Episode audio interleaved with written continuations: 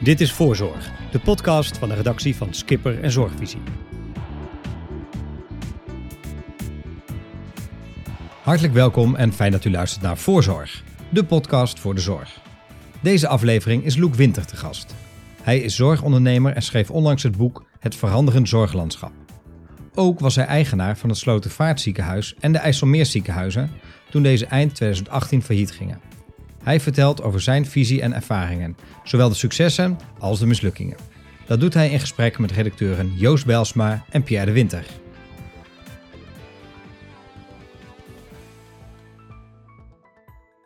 Ja, laten we beginnen met het boek, uh, Loek.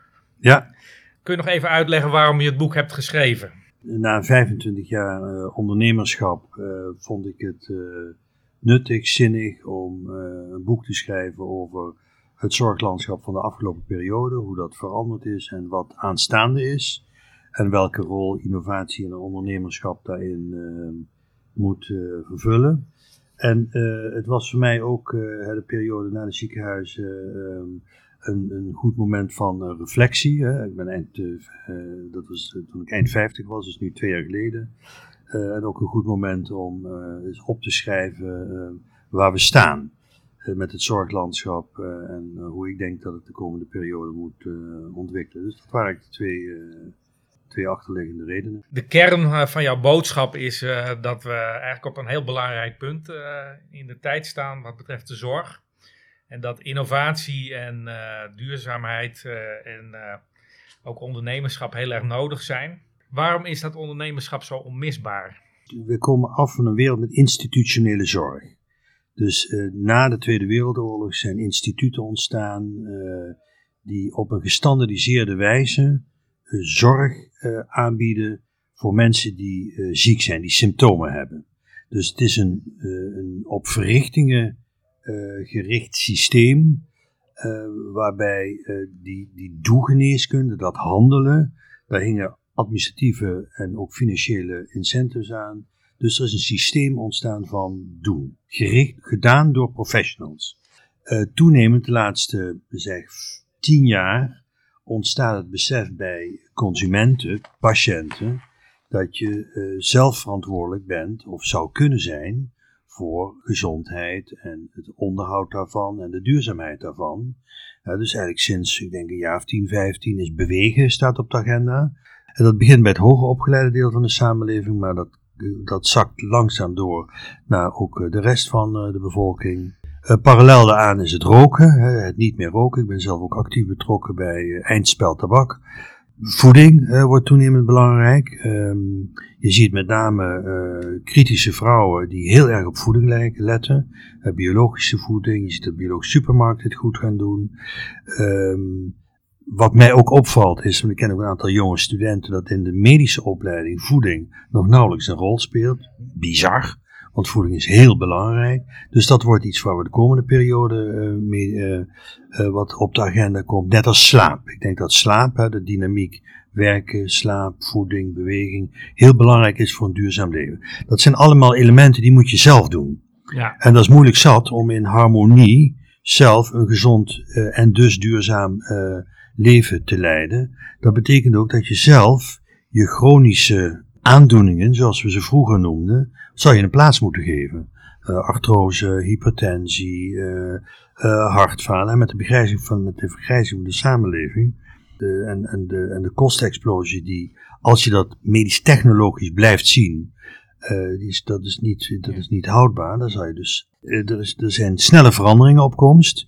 En ehm, laten we zeggen, die veranderingen gaan ook exponentieel.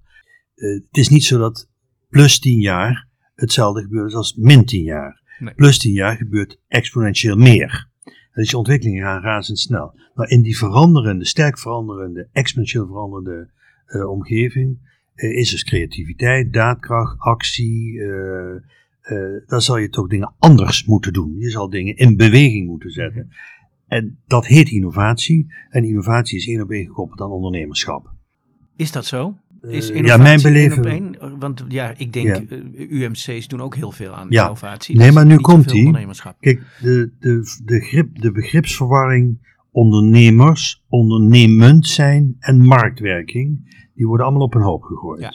En als je een, eh, zeg maar in de medische wereld aan ondernemers denkt, dan ontstaat er het beeld van de, ehm, zeg maar op, op vooral financieel georiënteerde eh, mensen die op hun eigen belang eh, uit zijn. Als je eh, gewoon om je heen kijkt wat de afgelopen 10 jaar, sinds, 15 jaar, sinds de stelselwijziging in 2005 gebeurd is, dan is er dus een dynamisering heeft plaatsgevonden. Die oude planeconomie, daar zijn heel veel mogelijkheden gekomen om te ondernemen. En er is een hoop gebeurd. Er, zijn, er hebben implosies plaatsgevonden. Oude legacy bedrijven die zijn omgevallen, inclusief de ziekenhuis waar ik zelf betrokken eh, bij was. Er zijn eh, explosies ontstaan van nie- nieuwe concepten. Denk aan Jos de Blok met buurtzorg. Dat is gewoon op de wereldkaart uniek wat er gebeurde is in tien jaar tijd. 2006 is Jos geloof ik begonnen. Mm. Eh, dus dat 14 jaar inmiddels al. Dat is uniek. Een heel nieuw concept, hele nieuw, dus echt een, een, een structuurinnovatie die heel klantgericht is en waar heel veel behoefte aan is. En er zijn natuurlijk meerdere eh, initiatieven ontstaan. Eh, ik denk dat de, de Thomashuizen er ook een voorbeeld voor is, waarbij zeg ik, in de gehandicaptenzorg, dat kun je dus medisch-technologisch eh, inhoudelijk aanpakken, maar je kan ook het aanpakken langs gewoon het leven van een Ja. gehandicapte, dat je dat optimaliseert. Wat jij zegt in die UMC's waar ik het net over heb, daar is heus innovatie. Maar, maar die halen het eigenlijk niet uit het medisch domein zoals die ondernemers wel doen. Nou, dat is één. En die mensen zijn ondernemend. Hè. Er zijn heel veel ondernemende bestuurders. Ik denk dat dat eigenlijk een, een voorwaarde is in deze tijd als je bestuurder bent. Dat je ondernemend moet zijn. Maar ondernemer zijn, dat gaat een stap verder. Want Ja. dat betekent dat je ook bereid bent een nieuwe infrastructuur op te zetten. Dat je bereid bent je geld erin te stoppen. Dat je Ja. bereid bent om eh, je nek uit te steken. En ook als je klappen krijgt. Maar is die ondernemerschap dan zo nodig omdat er zo fundamentele wijzigingen nodig zijn? Ja, dus ik denk dat. Neem Charles Dotter. Van het dotteren. Juist, ja. als Charles Dotter gedaan zou hebben nu, wat hij toen gedaan had, zou hij in de gevangenis eindigen. Eh, maar de dotteren, dat is gewoon zo grensverleggend. Maar hij heeft dus met een, eh, hij is begonnen met een konus, is hij vaatvernauwing gaan oprekken. Omdat hij dacht, anders moeten die, moeten die eh, onderbenen of die benen geamputeerd worden. Ja. En toen bleek dat er door bloeding op gang kwam. Toen is hij er katheters in gaan brengen. Dus die katheters met ballonnetjes, is die ballonnetjes gaan opblazen. Dat heeft geleid tot het dotteren, tot het stenten, tot het graften. De, gewoon wat er gebeurd is sinds de jaren 70, eh, is dat je destijds een open hartoperatie moest ondergaan, waar je gewoon een half jaar met revalidatie druk mee was. En nu is het een polyklinische ingreep. Ja. Ja, dat is ongelooflijk wat er gebeurt Ja. op medisch-technologisch gebied door echt ondernemerschap, Ja. weliswaar in instituten, maar gegeven de dynamiek die op ons afkomt, zal je ook buiten de institutionele zorg, zal de mensgerichte zorg, zal toch op een andere manier gaan plaatsvinden. Ja. Die, die sterke verandering, eh, daar is ondernemerschap ja, cruciaal. Kijk, en dan even over marktwerking. eh, want de discussie eh, is eigenlijk al sinds de jaren negentig dat er gesproken werd over marktwerking, waarbij het doel en middel door elkaar gehaald is. Eh, marktwerking ben je voor of ben je tegen? Nou, dat is niet aan de orde. Marktwerking is een middel. Het is een middel voor bepaalde delen, segmenten van de zorg, waarbij competitie leidt tot een goedkopere, betere zorg voor meer mensen. Maar er zijn ook hele delen van de zorg waarbij marktwerking helemaal geen goed middel is. Denk aan eh, geboortezorg, bevallingen. Ja, het heeft geen zin om daar marktwerking toe Ja. te passen, want je kan niet marketen op meer bevallingen. Nee. Eh, je kan het wel leuker doen, bevallen, en beter doen. Maar om, om daar heel veel aanbieders de mogelijkheid te geven op, op commerciële criteria, eh, zeg maar, eh, bevalling, dat heeft gewoon geen zin. Dus dat is een systeemfunctie, die kan je best met ondernemende mensen, centralistisch geleid, over het land verdeeld, eh, invulling laten geven. Dat geluid komt steeds meer op, hè? Dat, Ja. dat marktwerking op een hoop plekken in de zorg niet doet wat, het, wat, wat we gehoopt hebben. Nou ja, we zijn, Nee, maar even, maar de, marktwerking wordt ook misbruikt ja, voor alle dingen die eh, niet goed genoeg gaan in ja de zorg. iedereen roept dan, het zit, ligt maar aan de ik markt. zeggen, ik heb altijd heel kritisch Ja. Eh, zeg maar over marktwerking nagedacht. Het vertrekpunt is goede zorg, optimale zorg, voor zo min mogelijk geld, voor zo veel mogelijk mensen. Dus die driehoek, toegankelijkheid, betaalbaarheid, kwaliteit, hoe kan je die optimaal invullen? Soms is dat met centralistisch geleid. Neem de geboortezorg, neem de eh, oncologie, neem uh, traumatologie. Uh, maar soms heeft, hebben marktprikkels, competitie, veel aanbieders in de markt zetten, heeft dat effect. Die, die dat is eigenlijk een intelligente soort van next generation marktwerking die we voor moeten geven eigenlijk in onze zorg. We zijn daar nog niet. En wat je dus krijgt is dat nu iedereen toch de hoop loopt tegen die marktwerking. En dat nu ook in de landelijke politiek best wel kritische geluiden erover te horen zijn. Het is een item in de, in de verkiezingen die eraan komen. Is dat ook jouw zorg? Neem nu de coronacrisis. Ik denk dat wij erover eens zijn dat overviel ons. Eh, in maart, april ehm, hebben wij, denk ik, en met name in Duitsland kwamen die geluiden, uh, testen, testen, testen. Nou, dat testen dat is dus door het publieke domein in Nederland opgetuigd. Dat is eigenlijk een drama geworden. Dat mag je misschien niet hardop zeggen, maar ik ga dan, doe dan toch even een statement. De commerciële labs werden buiten de deur gehouden. Ja. Nou, op een gegeven moment was er een dermate grote druk.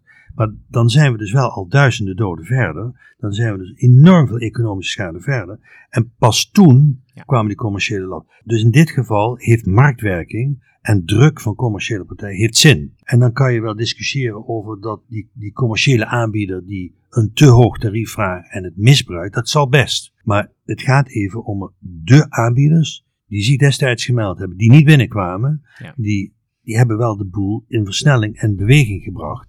En dat hadden we gewoon in april moeten doen.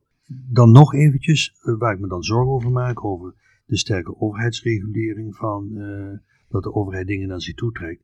Noem mij voorbeelden in de wereld waarbij een overheidsgerelateerd systeem uh, effectief functioneert. De marktpartijen hebben wereldwijd brengen competitie in en die brengen zeg maar, tegenkracht in waarbij dat publieke systeem, wat echt nodig is, beter wordt en efficiënter wordt en klantgerichter wordt. Daar waar marktsystemen doorslaan, bijvoorbeeld in de Verenigde Staten, ik ben daar ook heel kritisch over, dan zie je dus dat er overconsumptie plaatsvindt, dat het te duur wordt, dat het van een selecte groep mensen is.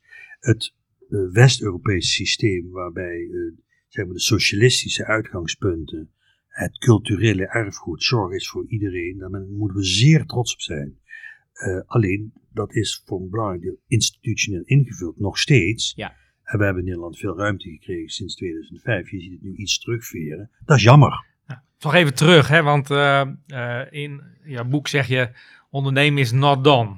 Ik heb het gevoel dat uh, ook bij politici bijvoorbeeld een initiatief wat je zelf al noemt als uh, Jos het Blok met uh, buurtzorg, dat dat best wel omarmd is. En dat is een vorm van ondernemen. Heb jij echt het idee dat ondernemen not done is? Nou, in de, in de perceptie, in de publieke perceptie, worden de, de misstanden, die gebeuren natuurlijk in ieder domein, die worden misbruikt om tegen marktwerking te zijn. In andere Europese landen met ook uh, sociale stelsels zijn de marktpartijen hebben een groter aandeel. In Duitsland is 30% van de ziekenhuizen privaat, in Engeland, in eh, Scandinavië, in eh, Frankrijk. Uh, en daar zijn dus, zeg maar, is private zorg een geaccepteerd fenomeen. Ergens tussen de 10 en de 30 procent. In Nederland is het een paar procent.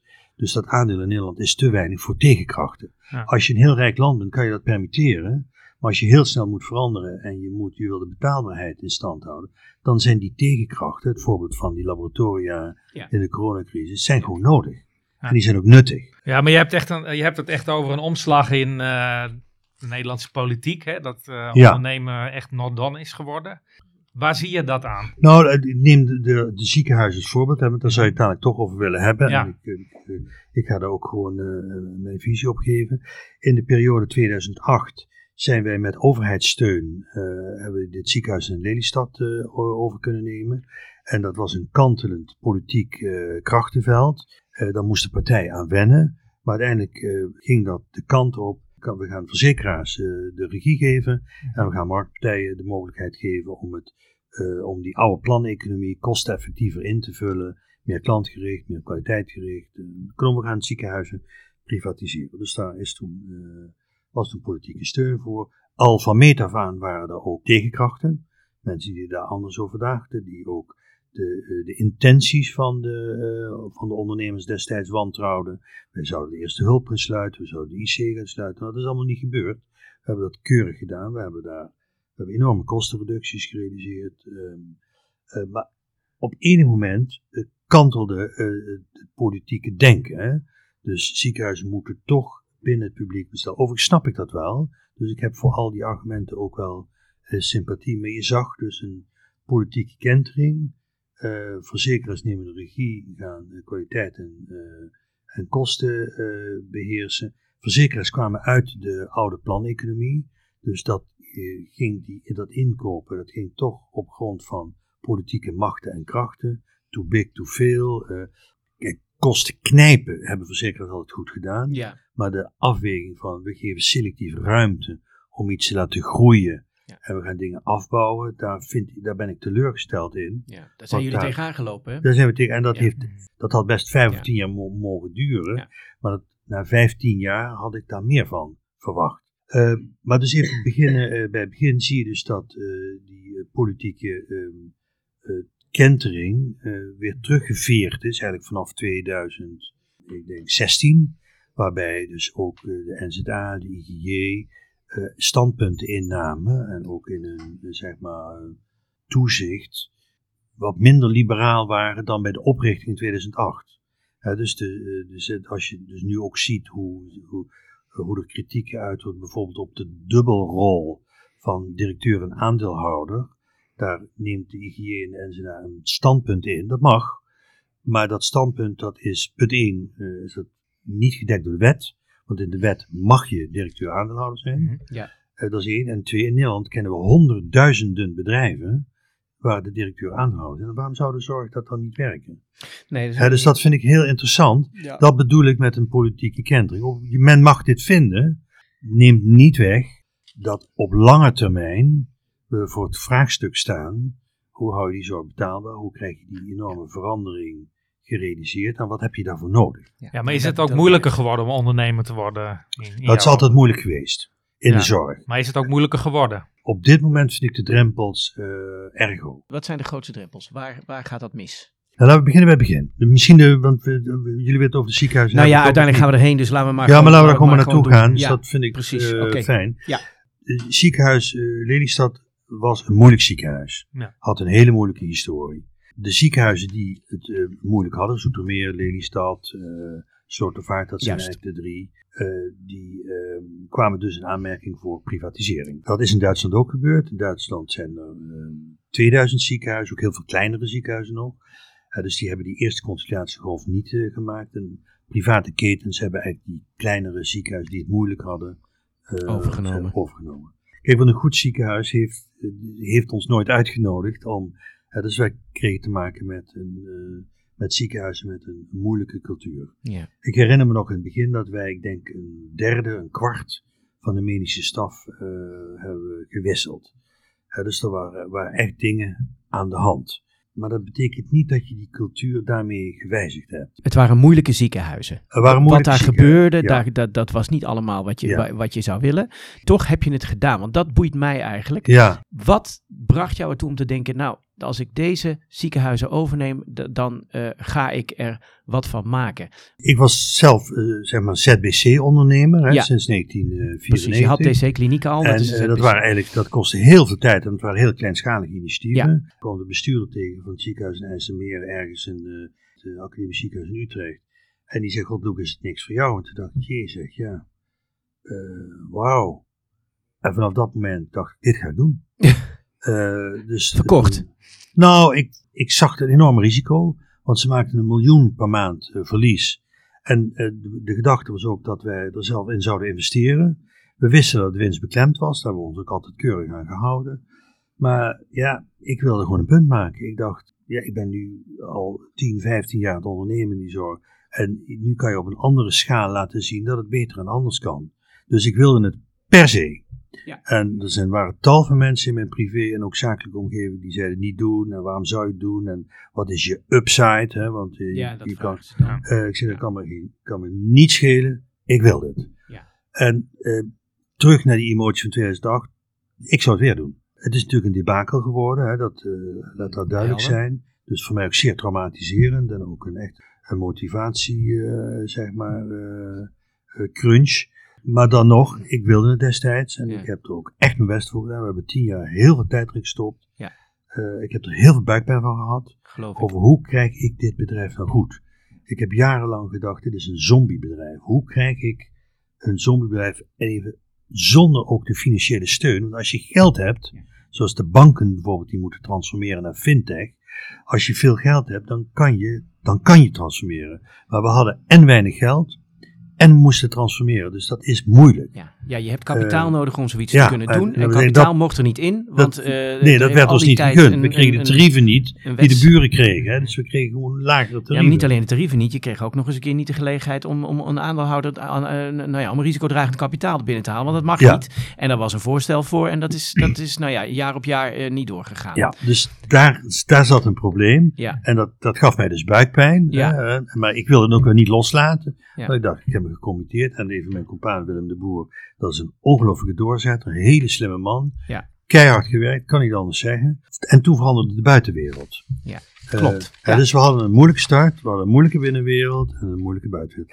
En, en als persoon, even persoon even, ben ik kennelijk te klein om dit goed te hebben kunnen keren. Ik had anders in, dat moeilijke vertrekpunt, dat kende ik.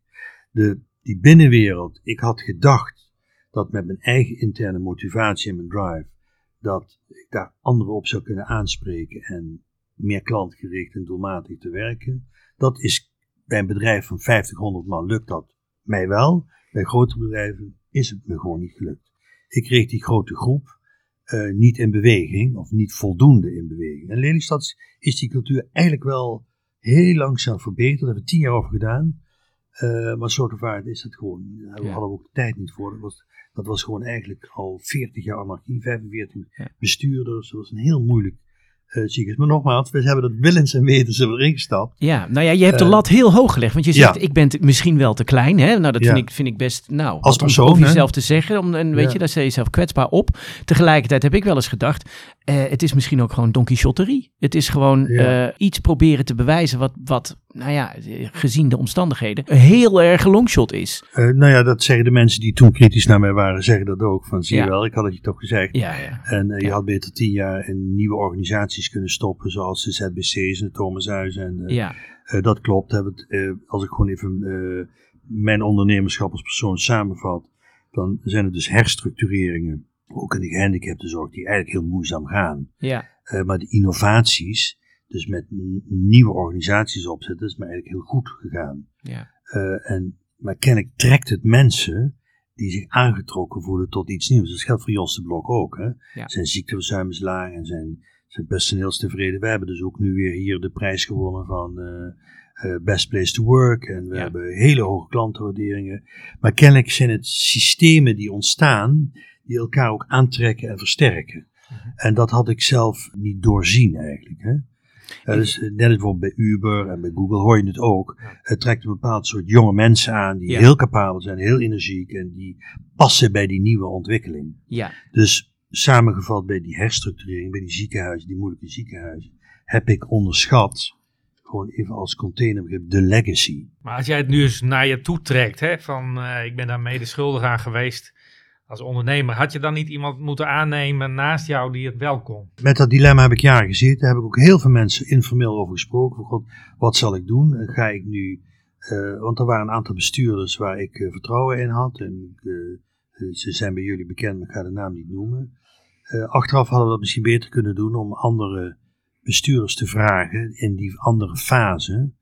want wat ik ook geleerd heb is dat de herstructurering in het begin, dus een sanering, dat saneren, dat, deden we eigenlijk heel goed. Uh, maar het vervolgens het opbouwen, als saneerder moet je eigenlijk wegwezen.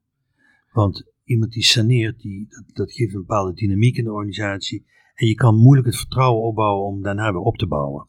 Uh, dus dat zijn, moet je eigenlijk andere mensen voor nemen. En het operationele ook, want wat je natuurlijk op een gegeven moment krijgt, je moet kosten saneren, nou goed, of kosten snijden.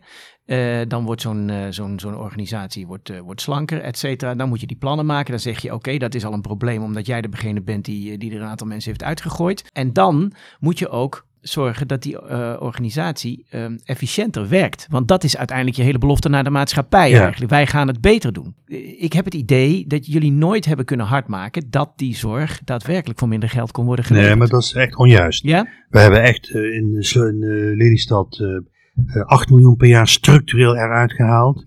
En een Slotervaart ook iets in die orde groot. Nee, wij waren echt aan de onderkant van de kostprijs met de ziekenhuizen. Als wij de tarieven hadden gehad van de buren ja. in de polder over Amsterdam, hadden we heel rijk geweest. Dan hadden we ook frictiegeld gehad om uh, naar nieuwe, nieuwe mensen aan te kunnen nemen en innovaties te doen. En waarom we hadden, die tarieven niet? Ja, Want dat is dus het spel met de zorg. Omdat er intransparantie is van de tarieven in die zorgmarkt. En we hebben die transparantie ook, uh, daar waren wij voorstander van.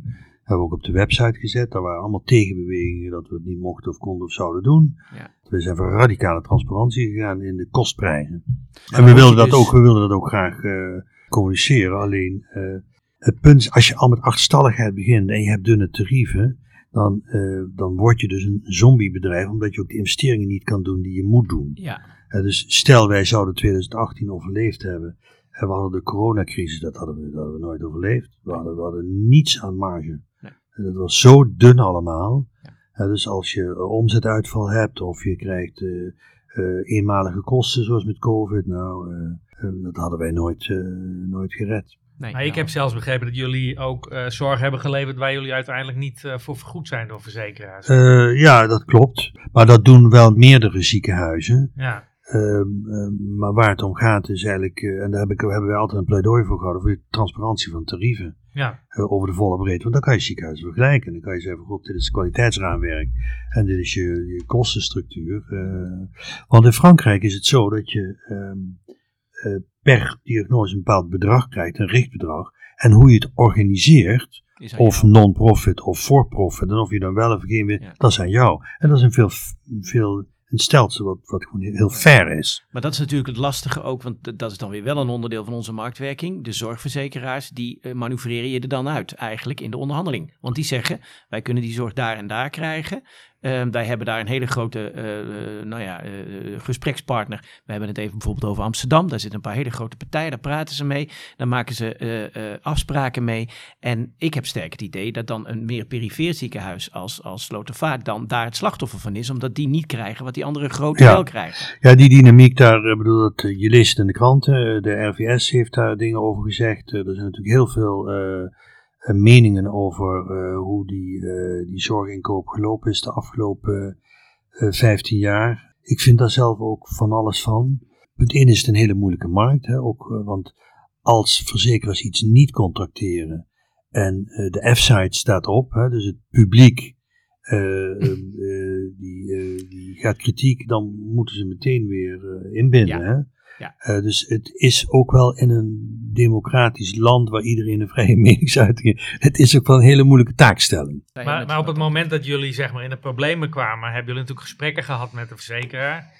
En werd daar toen niet uh, over de tarieven gepraat? Zo van, nou, uh, wij hebben gewoon tarieven nodig waarmee we het wel uh, kunnen redden. Ja, natuurlijk is daarover ja. gesproken, maar uh, de gedachte was dat er overcapaciteit was in uh, Amsterdam. Precies. later in de COVID-crisis heb ik vaker gedacht van god, god wat jammer dat toch.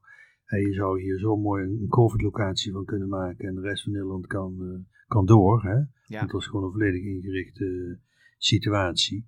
de realiteit is ook dat de legacy, hè, de veranderbereidheid van de interne slotervaartorganisatie was heel moeizaam. Mm -hmm. ja. uh, dus daar waren echt blokkades, uh, gewoon ook van partijen die ook ja. juridisch rechten hebben. Ja. Uh, dus dat transformeren, dat was gewoon. Dus niet alleen de buiten. Dus wat eigenlijk een moeilijk startpunt, een ingewikkelde binnenwereld en een steeds moeilijker wordende buitenwereld. Ja. Dat is eigenlijk de samenvatting. En als persoon was ik te klein om dat te keren. Ja. Maar wie was groot genoeg geweest, denk je? Ik weet het niet. het is een principiële keuze om ziekenhuizen het publieke domein te noemen. Nou, gelukkig zijn er ZBC's in de langdurige zorg. Is er veel enterprise, hè? er Ja. zijn veel ondernemers die het ook goed doen. Ja. Eigenlijk alle ZBC's doen het hartstikke Ja, goed. veel wat kleinere partijen Ja, die iets loshalen uit het ziekenhuis. Dan laten we die, kijk, als je, daar moet je dus niet te veel drempels voor creëren. En wel heel hygiënisch blijven naar eh, Eh, dingen die niet kloppen. Ja. dus eh, dat, op zich vind ik dat wel heel goed. En dat had je Eh, ook zelf al gedaan. DC-klinieken is niet anders dan dat. zeker, je hebt zeker. bepaalde zorg met de, die Zeker. klinieken uit het ziekenhuis gehaald Ja, en, en, en efficiënter ingericht. Ja. Maar nu had je te maken met een paar kolossen Ja. die, eh, waar dat eh, iets minder makkelijk was. Zo is het. Ja, Ja. Ja, ik las zelfs Ja. dat jij zeg maar eh, eh, ziekenhuizen was begonnen in 2008, omdat je de kritiek kreeg dat je de krenten uit de pap Ja. haalde met de DC-kliniek. Ja. En het gevoel had, ik wil bewijzen ja. dat, die, eh, dat we ook een heel ziekenhuis Zeker. eh, kunnen Ja, maar dat was mijn motivatie eh, destijds. Die, Maar is dan jouw idee van dat het goed zou zijn dat het private geld vooral naar die, die krenten in de pap gaat? Of zeg je echt van, ja, die integralere zorg, dat moet ook kunnen met privaat? Ja, ik ben niet van krenten in de pap. Hè. Nee. Ik ga echt voor eh, solidariteit. Dat betekent toegankelijkheid, betaalbaarheid en kwaliteit. Ik denk dat als je je segmenteert, dat je ehm, wel goedkoper kan zijn. En de criticasters noemen dat dan eh, krenten uit pap. Eh, innovatie is vooral nodig voor nieuwe dingen. Denk bijvoorbeeld aan e-health.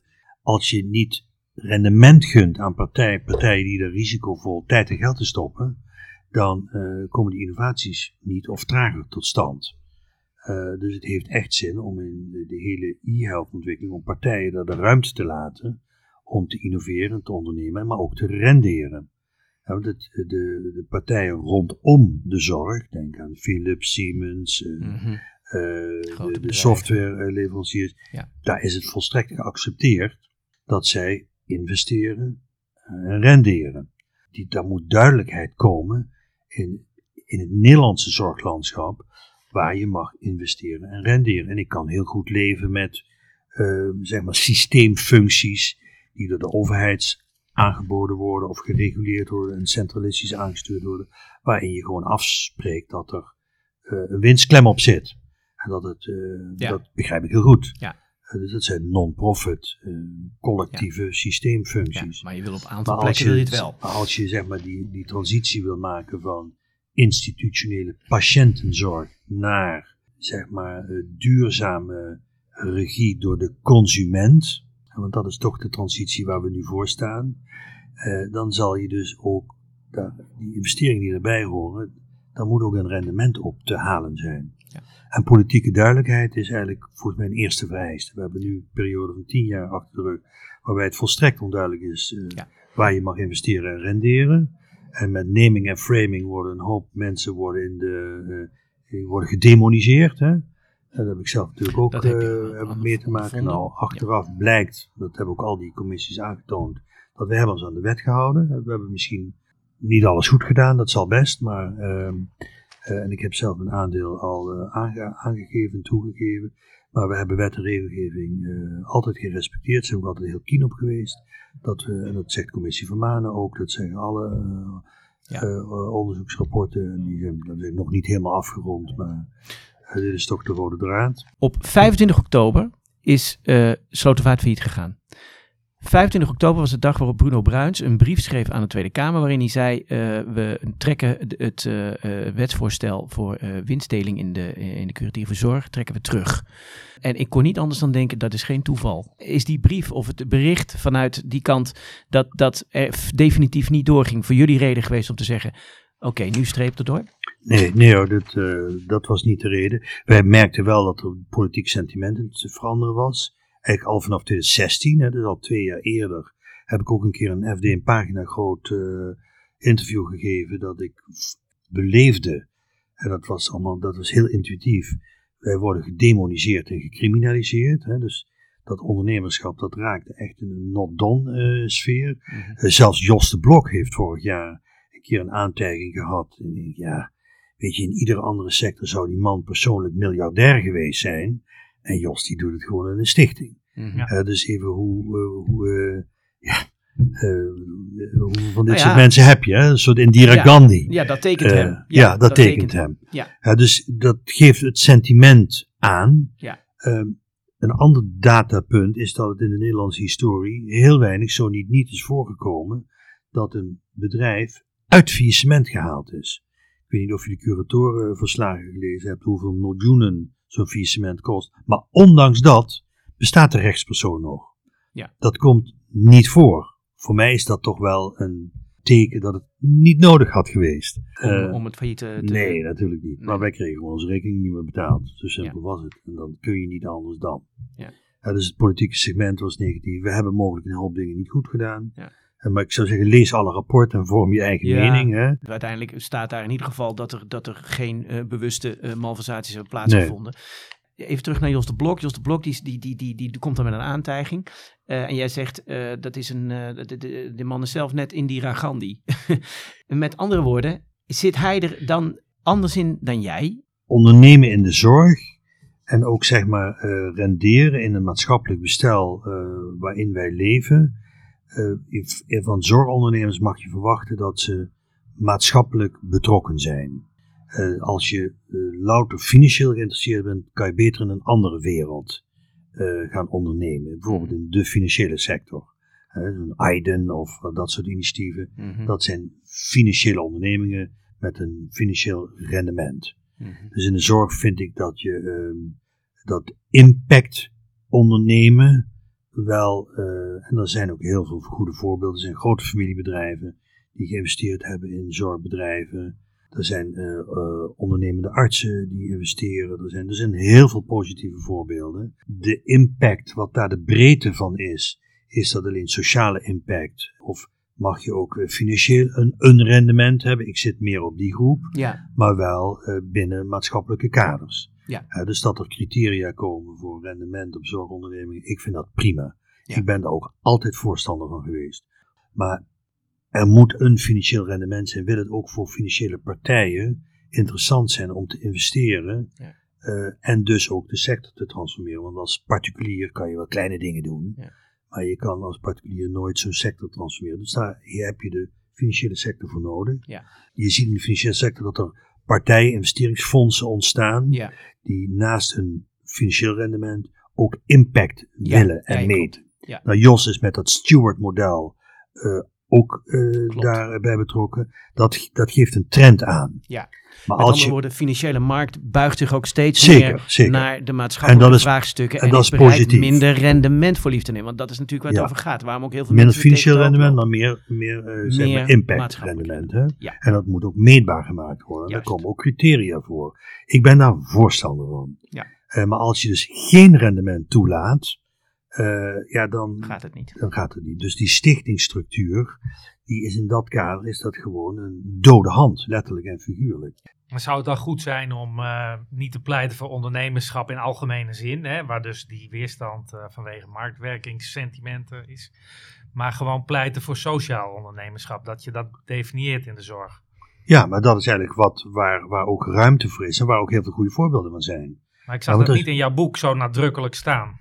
Nou, ik heb, ik heb wel die, die criteria allemaal genoemd en uh, ja, je kan daar een, nieuw label aan hangen, maatschappelijk verantwoord ondernemen, impact uh, ondernemen, social venturing. Uh, ik vind het allemaal prima.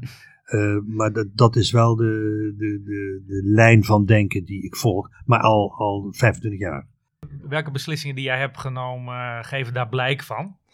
Als jij terugdenkt aan je ondernemerschap? Nou, laten we zeggen, als je naar de ondernemingen zegt waar ik bij betrokken ben, heb ik 10, 15, 20 jaar tijd in gestopt zonder er financieel rendement en ook geld in gestopt zonder er financieel rendement uit te halen. En in iedere andere sector gaat dat sneller. Dus, uh, en in de ziekenhuizen hebben wij ook geld gestopt. Uh, of zijn we dat kwijt, maar dat terzijde, daar hoor ik niemand over. Iedereen heeft belangstelling voor het feit of we er onterecht geld uitgehaald hebben. Maar even de realiteit is, er is dus niet van publiek naar privaat geld gelekt. Nee, er is van privaat naar publiek geld gelekt. We hebben er ook geld op verloren. Dus dat geeft wel aan dat ik er maatschappelijk in zit. Ja, ik bedoel, vorm je eigen mening, maar dit is wat ik vind. In de orde van grootte, hoe, hoe, hoe moeten we het verlies uh, zien? De aandeelhouders hebben er 15 miljoen in gestopt. En er zijn slechts een paar miljoen teruggekomen. En dat zijn jij en Willem de Boer? Ja, en een derde, zeg maar, eh, passieve investeerder. Okay. Die voor 20% meedeed. Oké. Dus 15 miljoen erin gestopt en is een paar miljoen teruggekomen. Dus het is een grote bloedneus. Ja, je zegt dat, dat je getraumatiseerd bent door die uh, faillissementen. Uh, waar zit dat trauma precies? Wat, wat doet het meest pijn? Nou, dat mijn inschatting. Kijk, een ondernemer die stopt tijd en geld ergens in. Uh, en die voorziet een bepaalde ontwikkeling. En die voorziet dat die ontwikkeling breedte krijgt. dus dat daar meer animo voor komt, dat daar meer flow in komt, dat daar meer belangstelling voor komt. Dus uh, wij hebben tijd en geld gestopt in de ziekenhuizen, in de gedachte dat daar, uh, dat, daar, dat dat een nieuwe beweging was, waarbij je een keten van ziekenhuizen kun, zou kunnen vormen met waarbij je als je de back-office centraliseert, je effectiever kunt handelen, als je met ICT-initiatieven meer klantgericht, hè, dat is een bepaalde visie die wij hadden. Als je die inschatting structureel fout maakt, dan ben je fantast. Ja, dus die Elon Musk die zit op de scheidslijn tussen topondernemer en fantast. Uh, maar als je daarin misgrijpt, dat je inschatting fout is, of je het niet goed gedaan hebt, dat traject van A naar B, dat is voor een ondernemer is dat frustrerend. Uh, dus ik heb dat niet goed ingeschat. Uh, en dan kan ik zeggen, het ligt buiten mij, het ligt aan de verzekeraar van de bank of weet ik van wie, maar dat zeg ik niet.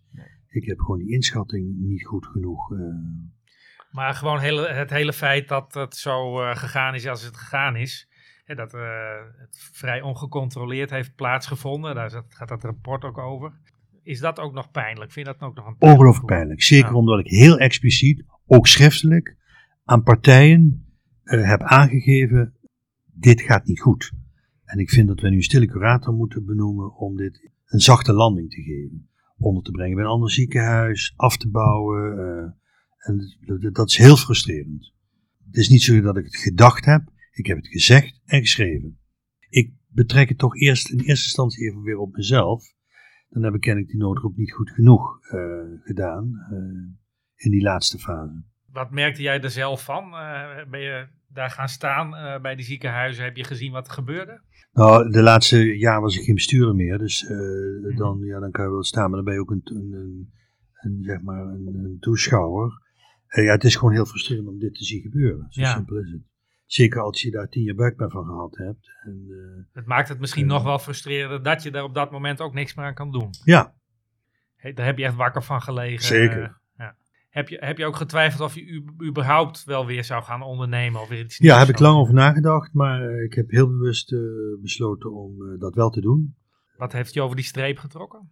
Nou, uiteindelijk toch interne motivatie en uh, maar ik wel op een, op een, een, andere schaal en, en met een andere work-life balance. Want ik heb tien jaar achter de rug van 80 uur per week van, van de vroege ochtend tot de late avond. Dat ga ik niet meer doen.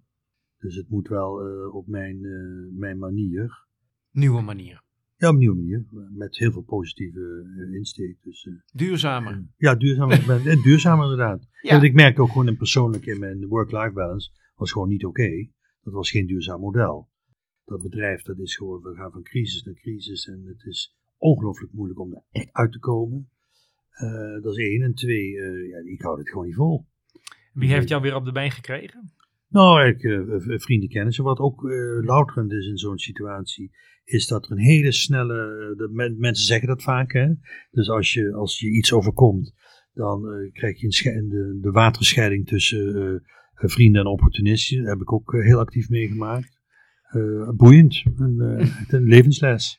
Maar dan, toch nog even de vraag: wie heeft je weer op de been gekregen? Nou, het is ook echt de thuisomgeving, vrienden zeg maar, de, de waterscheiding van mensen die dicht bij je zijn en die je steunen, versus de mensen, dat maakt heel, heel veel dingen duidelijk. En dat helpt ook. Hè? Dus, uh, ja. Maar dit is het verhaal wat je hoort van mensen die natuurlijk gewoon die iets overkomt. En dus het heeft niks met die ziekenhuizen te maken. Dat, nee, je, je, treedt nu weer toch weer op de voorgrond, ook met dit uh, verhaal. Voor mijn gevoel wil je daar toch iets mee bewijzen. Uh, nou ja, dat is jouw conclusie.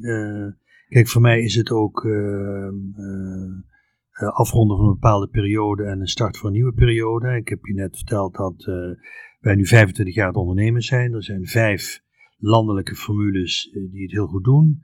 In de diagnostiek, de pijnzorg, de colonscreening, de gehandicaptenzorg en in de dementiezorg. We hebben in België gaan we een aantal Thomashuizen oprichten. Dat, is allemaal, dat staat allemaal in de stijgers en de eerste uh, wordt binnenkort geopend. In Duitsland gaan we kleinschalige dementiezorg doen. We hebben ook een locatie.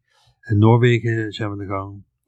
Uh, we gaan in Duitsland ook uh, nee, is al, dat, dat, is allemaal dus prima. Nou even, dat, ja, maar dat is prima, maar dat geeft aan dat we met een positieve energie gaan we die volgende fase in. Ja, en eh, daar hoef je ook niet in te bewijzen, want dat heb je in het verleden al gedaan met deze klinieken, met andere Ja. eh, ondernemers. Maar even draait om, wat moet ik anders? Moet ik gaan golfen en gaan bridgen? Ja, nee, Daar word ik, word ik niet blij van.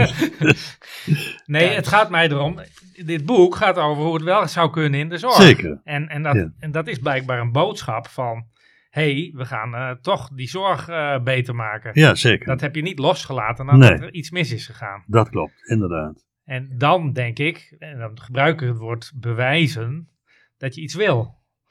Ja, ik, wil, ik ga door met waar ik mee bezig was. Ik probeer die driehoek, kwaliteit, duurzaamheid, betaalbaarheid, daar wil ik mijn bijdrage aan leveren in dit mensenleven. Eh, en ik zou niet weten waarom ik daar nu eh, mee moet stoppen. Stel je zou eh, een eh, ondernemer willen adviseren die nu toch een privaat ziekenhuis eh, eh, probeert op te zetten. Wat, wat zou jouw belangrijkste advies nu zijn? Nou, een privaat ziekenhuis in Nederland is, is politiek gewoon niet haalbaar. Niet meer. Nee, Er is is niet haalbaar. één, hè? Er is nog één, Beverwijk. Dat klopt, ja.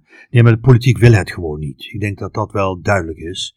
En als een politiek dat niet wil, moet je dat gewoon niet doen. Want om tegen die stroom in te zwemmen als individu, ja, dat heb ik nog nooit zien lukken. Eh, dus dat is, eh, Je hebt het wel gedaan. Maar toen hadden we politieke wind mee. Waar? Toen was de wind een kantelen, toen hadden we de wind mee en behoorlijk in de zijde. We hebben van de twee, eh, althans ik heb beleefd van, de, van het de twee kabinetten, Edith Schippers, Martin van Rijn, eh, dat er een passieve support was voor het dynamiseren en het flexibiliseren van die zorgmarkt. En waarbij nieuwe initiatieven en dus ook het privatiseren van ziekenhuizen, eh, dat had een politieke sympathie. Krappe meerderheid, dus later een minderheid geworden, maar even en met name de CDA is gekanteld daarin. Ja. Want CDA was positief voor eh, ondernemerschap, die zijn gekanteld. Ja. Eh, en die zijn nu eh, heel kritisch daarin. Ja. Dus ik zou nu in een privaat ziekenhuis gewoon in Nederland, is dat niet aan de orde. En, en wat zou er voor nodig zijn om het wel eh, in Nederland te realiseren? Maar de vraag is of je, of je ziekenhuizen moet willen privatiseren, of, dat er duidelijk, of je duidelijkheid moet willen voor die transformatie van institutionele patiëntenzorg naar duurzame consumentenzorg, waarbij die consument zelf in de regie is. Dat proces is, eh, laten we zeggen, eh, daar is veel meer voor nodig dan die ziekenhuizen eh, efficiënter maken. Hè? Want in die tien jaar is natuurlijk ook een hoop gebeurd. En ik heb een aantal beslissers ook gesproken in de ziekenhuizen, eh, in, de, in, de, in het zorglandschap. Mhm. Die, en dat besef ontstond bij mijzelf ook. Je kan een ziekenhuis wel goedkoper doen, 10 of 15 procent, hè, even een ultiem geval. Eh, omdat er destijds veel bureaucratie in zat en je dat eruit managt. Maar de transformatie die nodig is, die gaat niet van één op één zorg, van dokter, patiënt naar patiënt, van dokter naar patiënt, maar die gaat van één op many. Van één professional die een groep mensen coacht om zelf hun zorg. Dat is nodig. Dus, Dus, is die misschien vind ik nu, gaat. misschien Ja. vind ik nu zelf, tien jaar later ook, dat het privatiseren van ziekenhuizen, dat had toen functie, maar dat heeft nu eigenlijk niet meer zoveel functie. Omdat het toch old school, ehm, het zijn institutionele ondernemingen die weliswaar misschien wel beter kan doen, maar je kan beter je tijd en je aandacht geven in die transformatie die ik net noemde. Dus het was ook te oldschool ondernemerschap eigenlijk. Ehm, ja, dat hebben criticasters destijds ook gezegd. En eh, toen vond ik dat niet, nu vind ik dat wel. Oké, helder. Volgens mij is alles besproken.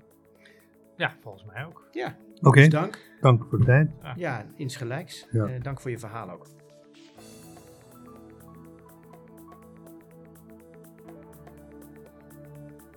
Tot zover deze voorzorg. Wilt u op de hoogte blijven van nieuwe afleveringen, dan kunt u zich abonneren op deze podcast.